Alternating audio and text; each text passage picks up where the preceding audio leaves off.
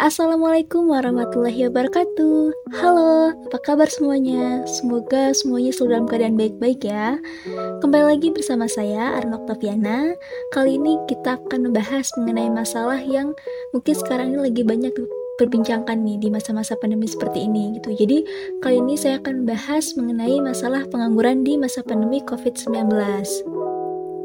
Sebagaimana yang kita tahu nih bahwa uh, sejak bulan Maret tahun 2020 Indonesia ini dilanda yang namanya wabah COVID-19 yang di mana uh, wabah tersebut tuh memberikan dampak hampir ke seluruh sektor kehidupan di Indonesia gitu mulai dari sektor pendidikan, sektor sosial, bahkan ke sektor ekonomi. Untuk yang sektor ekonomi ini, salah satu permasalahan yang muncul yaitu terjadi disrupsi ketenaga kerjaan. Dan kita semua tahu ya bahwa selama pandemi ini, pemerintah telah mengeluarkan berbagai kebijakan dalam memutus penyebaran COVID-19, seperti melakukan karantina, ada pembatasan sosial berskala besar atau yang kita singkat sebagai PSBB, terus mungkin sekarang ganti namanya menjadi PPKM, juga ada menerapkan 5M yaitu mencuci tangan, memakai masker, menjaga jarak, menjauhi kerumunan, serta mengurangi mobilitas.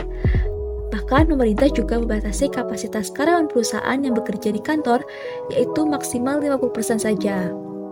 Kebijakan-kebijakan tersebut pada akhirnya juga berdampak kepada ketenaga kerjaan di Indonesia, di mana banyak perusahaan yang pada akhirnya terpaksa tutup, bahkan ada juga perusahaan yang melakukan PHK atau pemutusan hubungan kerja kepada para karyawannya gitu, yang akhirnya karyawannya kehilangan pekerjaan dan jadi pengangguran. Di mana hal ini semua akhirnya menyebabkan jumlah pengangguran di Indonesia akan semakin meningkat. Jadi ya inilah dampak yang tak terhindarkan ya dari pandemi COVID-19 terhadap ekonomi gitu. Karena selain membuat orang kehilangan pekerjaan, COVID ini juga membuat uh, para UMKM bertumbangan gitu. Bahkan pertumbuhan ekonomi di Indonesia dan di dunia itu jadi melambat gitu. Ada juga angka dari Bapenas nih, data dari Bapenas yang menyatakan bahwa angka pengangguran di Indonesia ini telah mencapai rekor tertinggi dalam 10 tahun terakhir gitu. Gak main-main angkanya yaitu meningkat hingga 9,2% atau hampir 13 juta orang. Padahal sebelum pandemi COVID-19 pun ada data juga dari ILO. Jadi ILO ini adalah singkatan dari International Labour Organization. Jadi atau Organisasi Buruh Internasional. Jadi menurut data dari ILO ini tahun 2019 mereka mencatat bahwa pengangguran di Indonesia ini berada di angka 17,4 persen. Jadi kita ini salah satu yang tertinggi ya di Asia Tenggara.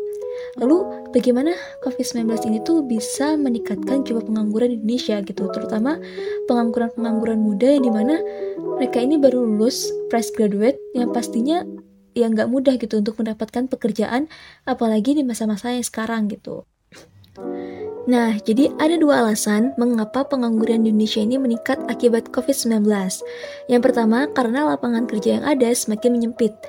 Jadi resesi akibat pandemi ini telah menyebabkan banyak karyawan dipecat atau dirumahkan, atau yang lebih parah lagi dirumahkan tanpa digaji gitu.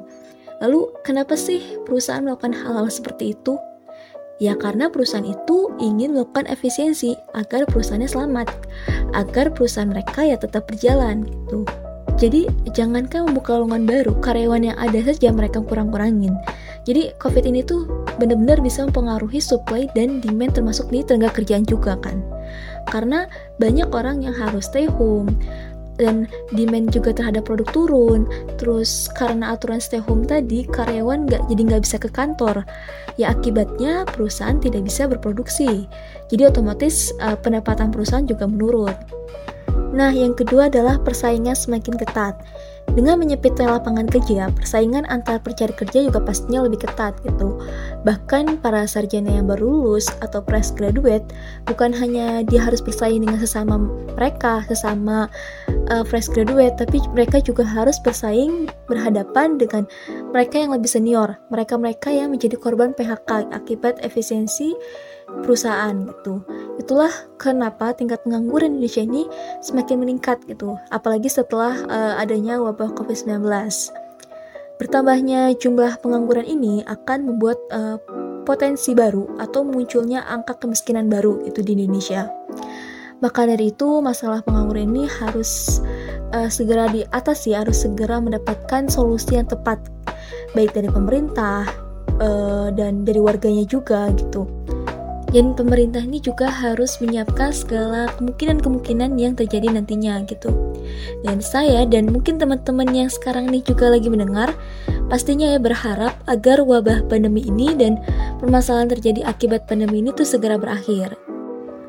Mungkin sekian untuk sharing-sharing pada kali ini. Semoga apa yang saya sampaikan dapat bermanfaat bagi teman-teman semua yang mendengar. Mohon maaf bila ada kesalahan kata ataupun data. Wassalamualaikum warahmatullahi wabarakatuh. Sampai jumpa di podcast selanjutnya. Bye bye.